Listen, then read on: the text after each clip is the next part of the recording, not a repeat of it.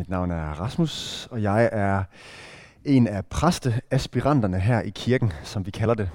Det betyder, at vi er nogle stykker her i kirken, som læser teologi og er på vej til at blive præster. Og øhm, at vi en gang imellem får den glæde og ære at få lov til at prædike her til gudstjenesterne. Og øh, det er jo første gang, at jeg får lov til at prædike her til klassisk, og det er jo en særlig ære. Øhm, og øh, jeg er taknemmelig for, at jeg får lov til det. Øhm, jeg ved, at det normalt er mere øh, erfarne prædikanter, der taler her, også når det er en klassisk gudstjeneste. Men jeg må sige, at jeg har enormt meget respekt for, at jeg alligevel er blevet inviteret. Nu er det ikke alle, alle der har øh, medansvar i det. Nogle af jer må jo bære over så. Men i hvert fald er jeg blevet inviteret, og jeg er glad for det, fordi jeg også ser, at der er noget smukt over enheden i det. At jeg kan komme her som en ung mand, og få lov til at være en del af det her. Og at I rent faktisk vil lytte til mig. Tak for det. Og jeg tror også, jeg har noget på hjerte, som er godt for os alle at høre. Øhm, vi skal læse fra Johannes evangeliet i dag omkring noget med at gå vejen sammen. Og øh, tekstlæsningen tager vi sådan undervejs i prædikenen i dag. Det er sådan, at det med at gå vejen sammen, det med at have enhed som kristne, det er vi ikke altid så gode til. Vi har det med nogle gange at splittes mere, end vi står sammen. Vi har det med at have strid i vores kirker, men også imellem kirkerne. I de forskellige kirker, der er i bare vores by her i Aalborg. Vi har det med at nogle gange tale lidt dårligt om de andre, fordi de er anderledes. Fordi vi mener, at vi har ret. Og det der kan være et stort problem, både for os selv, men også for alle dem udenfor, som ikke er kristne. Jeg har i hvert fald hørt flere sige, hvorfor skulle kristendommen være rigtig, hvis I, der er kristne, ikke engang kan enes? Hvis I er i splid med hinanden, hvorfor skulle jeg så tro på jeres Gud? Og den der anklage må vi på den ene side afvise, og på den anden side må vi også bekræfte den. Vi må afvise den, fordi det har sådan set ikke noget med det at gøre, om kristendommen er rigtig eller ej. Altså, hvor godt vi gør det som kristne og kirker. Fordi kirker har aldrig været perfekte. Vi kommer aldrig til at være det. Men vores Gud er perfekt. Og det vil han altid være. Og derfor er kristendommen sand. Uanset hvordan vi er som kristne. Men på den anden side er der også noget ved det, vi må bekræfte. Fordi vi er faktisk kaldet til at være et. Til enhed og stå sammen. Og det er jo sådan, at der er en befaling, som er meget kendt, der hedder missionsbefalingen. Som Jesus gav i Matthæus 28, som er lige før han stiger til himmels. Hvor han kalder os til at gå ud og gøre alle folkeslag til hans disciple. I det vi døber dem til at tilhøre faderens og søndens og helligåndens navn og det vil lære dem at gøre alt, hvad Jesus har lært os. Og det er godt. Det er rigtig godt, og det er vigtigt. Men Jesus gav os faktisk også en anden befaling, som er mere overset. Og det er enhedsbefalingen. Og den ser vi særligt i Johannes evangeliet, i kapitel 13 til 17, hvor vi særligt skal se på kapitel 17 her i dag hvor Jesus han I starter med at vaske disciplenes fødder i kapitel 13. Og disciplene er jo helt forundret. Hvorfor gør du det her? Det er jo, hvad slaver plejede at gøre. Men han gjorde det, fordi han ville tjene de andre. Og fordi han ville give dem et eksempel. Og så siger han nemlig noget interessant her. Og vi skal starte med lige at læse fra kapitel 13 her. Nu skal jeg lige vende min bibel rigtigt også. Den kommer også herop. Han siger, et nyt bud giver jeg jer. I skal elske hinanden. som jeg har elsket jer, skal også I elske hinanden. Et andet sted står der, at man skal elske sin næste som sig selv. Og det synes jeg i forvejen er svært nok. Jeg elsker mig selv ret meget, hvis jeg skal være ærlig. Hvis jeg bliver syg, så skal jeg nok sørge for, at jeg får al den behandling, jeg har brug for. Om jeg så skal betale en masse for det, eller rejse en masse for det. Det skal jeg nok sørge for. Og så siger Jesus, at på samme måde skal jeg elske min næste som mig selv. Okay, det er meget. Det er udfordrende. Men her tager han den endda et skridt videre og siger, som jeg har elsket jer, skal I elske hinanden. Og hvor meget har Jesus elsket os? Mere end nogen anden. Så meget, at vi har korset, hvor han gav sit liv for os. Han, der var Gud, der blev menneske og døde for, at vi kunne leve. Så meget elskede han os. Halleluja, pris Gud. Ikke? Der findes ikke nogen kærlighed som den her kærlighed. Og der siger Jesus, på den måde skal I elske hinanden. Hold da op. Det er svært at skulle elske hinanden så meget med en perfekt kærlighed. Men det siger han. Og det siger han igen og igen i løbet af de her kapitler. Vi tager lige en mere frem her fra kapitel 15 og vers 12. Han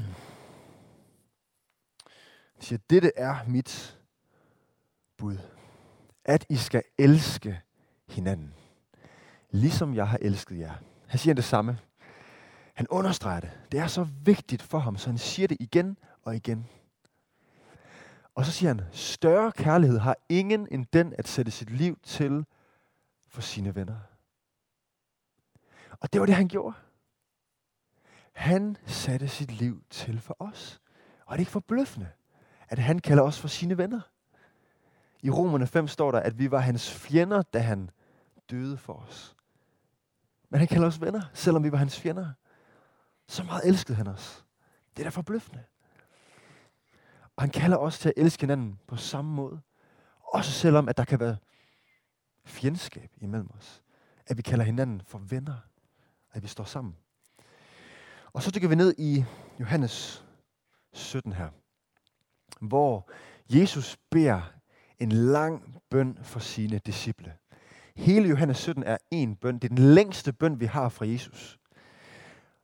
Og han beder for, at disciplene må stå fast i deres tro, efter at Jesus har forladt dem, og at de må stå sammen. Og så beder han noget særligt her fra vers 20, hvor han siger, ikke for dem alene beder jeg, ikke for de 12 disciple alene, men også for dem, som ved deres ord tror på mig. Og hvem er det? Det er jo dig, og det er mig, som tror på disciplenes ord, som de har fortalt videre, og som de har skrevet ned. Bibelen. Vi tror på Jesus, fordi disciplene har fortalt os videre om Jesus. Og Jesus beder for os lige her, skær torsdag, før han skal dø på korset langfredag. Og hvad beder han så for os, der sidder her 2000 år efter, og tror på disciplernes ord? Hvad, hvad siger han? Han siger, at, at de alle må være et. Ligesom du, fader, i mig, og jeg i dig. At de også må være i os, for at verden skal tro, at du har udsendt mig. Jesus bad for, at vi måtte være et. At vi måtte være en enhed, der holdt sammen. Og det forbløffende her, synes jeg også er, at vi skal være en enhed, ligesom Jesus og faderen er en enhed. Det er det, han siger, ikke? Ligesom du, fader, i mig og jeg i dig. Treenigheden med Gud Fader, Gud Søn, Gud Helligånd. Tre forskellige personer. Og alligevel en enhed. Treenigheden. Og på samme måde skal vi som kirke være et. Det er da forbløffende.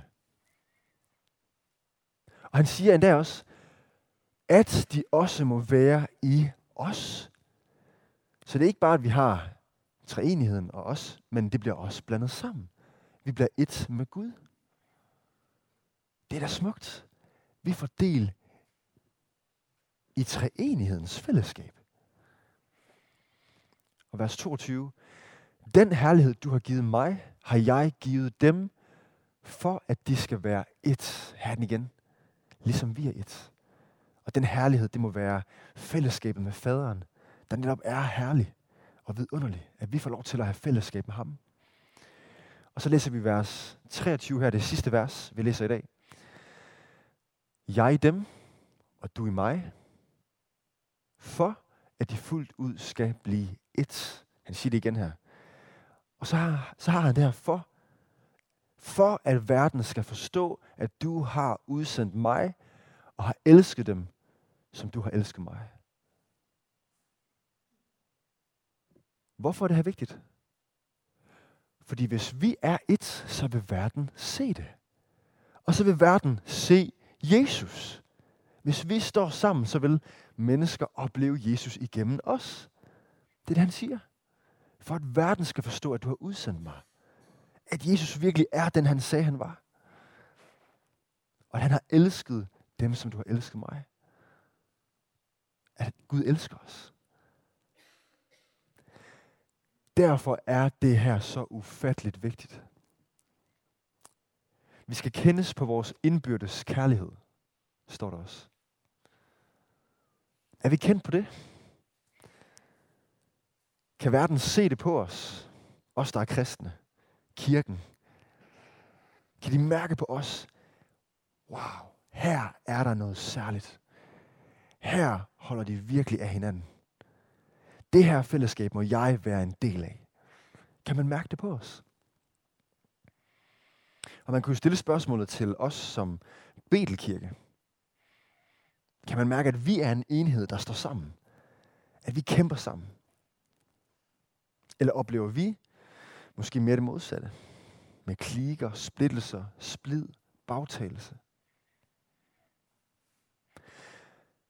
Vi er kaldet til at stå sammen og elske hinanden. På tværs af alt muligt. På tværs af køn og interesser og alder og etnicitet. Og jeg skal komme efter dig. Vi er kaldet til at være et. Og den her kærlighed er jo fordi, vi er en familie. Jeg hørte en historie på et tidspunkt om en mand, en kristen mand, som øh, mødte en anden ny kristen. Og han øh, opdagede hurtigt, at han var syg, ham her, den nye kristne. Og han var nødt til at tage ham med på hospitalet med det samme. Så det gør han. Her på hospitalet opdager han, han, han lærer mere og mere om mandens situation. At han faktisk er rigtig syg i sin nyre, en af sine nyre. Og han har brug for at få en, en ny nyre for at overleve. Og den her kristne mand, som sidder og lærer om den her anden nye kristne, han har aldrig mødt ham før. Men han ved, at det der det er hans bror. Så hvad vælger han at gøre? Han vælger at give ham en af sine nyere. Det er da forbløffende. Og selvom han ikke kendte ham.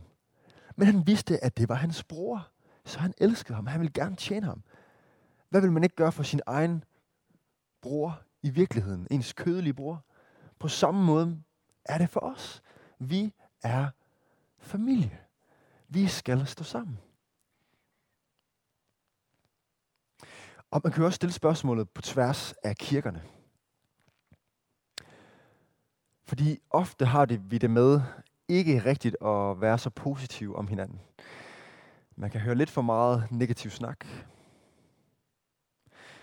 Bagtagelse. At de er så åndssvage, når de gør det eller det, de andre. Eller de er så dumme, når de tænker sådan og sådan. Hvor ville det være fantastisk, hvis vi i stedet for valgte at være positive om de andre. Og opmuntre de andre. Tælle godt om de andre. At vi kunne sige, hey, har I hørt det? De starter en ny kirke i en anden by, den her kirke. Hey, har I hørt det? Deres sociale arbejde i byen er fantastisk, og der kommer alle mulige ind i deres kirke. Det kunne vi lære noget af. Hey, har I hørt det med dem her? Der kommer helt vildt mange til, som bliver kristne, som bliver døbt. Hvis vi kunne fortælle de gode historier og opmuntre i stedet for. Det er jo sådan, at vi har det største til fælles. Øhm, nu øh, har jeg lige den sidste uge været på konference øh, som hedder Brighter-konferencen, som er en ungdomskonference øh, på tværs af forskellige kirkesamfund. Der er otte organisationer, der står bag, lige fra baptister til Oase og Missionsforbundet, og jeg skal komme efter dig. Og vi var nogle, en, nogle unge afsted. Jeg tror, jeg har et billede her. Øh, den er der ikke. Okay. Vi var 25 unge afsted fra kirken her, og det var fantastisk. Og så møde andre øh, fra andre kirkesamfund. Og her havde vi nemlig emnet med tværkirkelighed, med enhed. At vi har én mission, og vi har ét folk. Og der var også nogle udfordringer, vi snakkede om. Det kan være svært. Og løsningen er jo heller ikke, at vi bare skal slå alle vores kirker sammen til ét kirkesamfund. For der er jo nogle problemer ved det, som ikke lige kan øh, forenes. For eksempel med dåb, ikke? som vi kan være uenige om. Skal vi døbe babyerne, eller skal det være, når man bliver kristen som voksen, når man selv kan følge Jesus? Eller alle mulige andre spørgsmål. Og her på konferencen snakker vi om, at der er nogle primære emner og nogle sekundære emner. Og jeg brugte billedet, da jeg talte der, om øh, en lukket hånd og en åben hånd. Hvor vi i den lukkede hånd har alle de primære emner.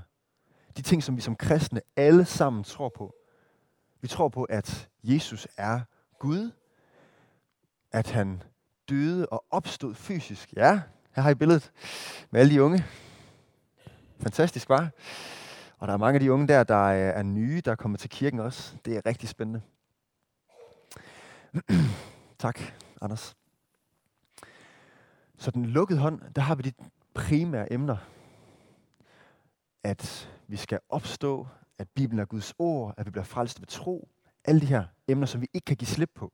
Vi holder fast ved for at være kristen. Og så er der den åbne hånd, som er de sekundære emner. De emner, vi kan være uenige om. Som dåbsspørgsmålet. Eller kan kvinder være præster? Eller skal alle kunne tale i tunger? Hvornår kommer Jesus igen? Alle de her spørgsmål, som kan have vigtighed, ja, men er sekundære. Det betyder ikke, at man ikke er kristen, bare fordi man er uenig om det her. Og så sagde jeg, at det er lidt ligesom øh, et land som USA, der har mange stater, men er et land. Øh, de her stater har jo forskellige love. Nogle af dem er rigtig spøjse. Øh, jeg tror, det er i øh, Texas, man ikke må få det til at regne. Er der en lov om, hvordan man den har tænkt sig at gøre det? Øhm, og nogle forskellige love i de forskellige stater, nogle forskellige måder at gøre tingene på, men det er alle sammen et land. Og Kanada, eller Mexico, af nogle andre lande. Der sætter man en tykkere grænse, en landegrænse. Men indimellem staterne er der mindre grænser, statsgrænser. På samme måde kan man sige, at det er med os som kristne. I kristendommen er vi et land, men vi har mange forskellige stater ind i landet. Mange forskellige måder at gøre tingene på, og forskellige holdninger. Men det er okay. Og det, der gør, at vi sætter de tynde grænser, er, at det er de her emner, vi er uenige om. Det er de sekundære emner. Så det er okay, når Missionsforbundet, Pinsekirken, Apostolsk Kirke osv. gør tingene anderledes end os, og har nogle andre tilgang til nogle af emnerne fordi vi er enige om de her ting. Men når det kommer til islam, så er det et andet land selvfølgelig. For det er de primære ting, vi er uenige om. Eller bare når det kommer til noget som mormoner, så sætter vi også en landegrænse. Fordi de for eksempel mener, at der findes mange guder, og at du kan blive til Gud, ligesom den Gud, vi tror på, blev til en Gud engang. Er det sekundært, eller er det primært? Det er primært. Ikke? Så der sætter vi en tyk grænse, en landegrænse. Og når vi griber det her, så tror jeg også, vi vil lære at kunne diskutere med hinanden om de her ting i den åbne hånd, med respekt og med ydmyghed. At vi kan snakke med vores kristne brødre og søstre, også fra andre kirker, i enhed. Vi kan være uenige i enhed. Og at have sådan en ydmyghed betyder også, at jeg rent faktisk tænker, hvad nu hvis, at jeg tog fejl? Jeg sidder jo og snakker med en kristen bror eller søster, som læser Bibelen, ligesom jeg læser Bibelen. Og som elsker Jesus, ligesom jeg elsker Jesus. Og som virkelig ønsker at forstå sandheden, ligesom jeg ønsker at forstå sandheden. Hvad nu hvis, at det var ham eller hende, der havde ret, og jeg tog fejl? Det er ydmyghed. Kan man se det på os, på tværs af kirkerne? Jeg hørte også om en kirke i Aarhus på et tidspunkt, en ny kirke, en kirkeplantning, som det hedder, som oplevede kort tid efter, at der også kom andre kirkeplantninger til byen. Og man kunne jo godt se de andre kirker som konkurrenter. Men i stedet valgte kirken at sige, vi samler penge ind til de andre kirker. Er det ikke flot? Det der, det er enhed. Det er at stå sammen og hæppe på hinanden. Gør vi det her i Aalborg? Kan vores kolleger, ikke troende venner, mærke på os som kristne, at vi har noget særligt? At vi er forenet? At vi er forenet om korset? Så kan det godt være, at vi nogle gange kan gå lidt hver til sit. Men hvis korset er det, vi alle kommer hen til, og vi bliver ved med at bevæge os hen til, så vil vi alle sammen samles det samme sted. Ja. Så lad os gå vejen sammen. Indtil vi når til mål. Til sidst vil vi alle stå der sammen. Og der vil vi være en kirke med stort K, kirken, en brud. Jesus kommer for at hente sin brud, ikke et harem. Og der skal vi nok finde ud af alle de her sekundære emner. Og så skal vi nok finde ud af, at baptisterne havde ret. Men indtil da, så lad os også gå den her vej sammen, og lad os stå sammen og elske hinanden. Skal vi bede sammen? Jesus, vi elsker dig. Og vi takker dig for, at du har elsket os så ufatteligt højt. Og nu beder vi dig for, at du må hjælpe os med at elske hinanden. Hjælp os med at stå sammen. Hjælp os med at være et, ligesom du bad igen og igen og igen. Jesus, vi ønsker at være en kirke, som er kendt for vores indbyrdes kærlighed. Vi beder for, at Aalborg må se det på Betel. Wow, de står sammen, wow, de elsker hinanden. Jesus, vi ønsker også at se det imellem vores kirker. At vi har en indbyrdes kærlighed imellem kirkerne. Hjælp os som Betel med at hæppe på de andre kirker. Og hjælp os med at samles om korset. Elske korset. Elske dig, Jesus. Det beder vi om i dit vidunderlige navn. Amen.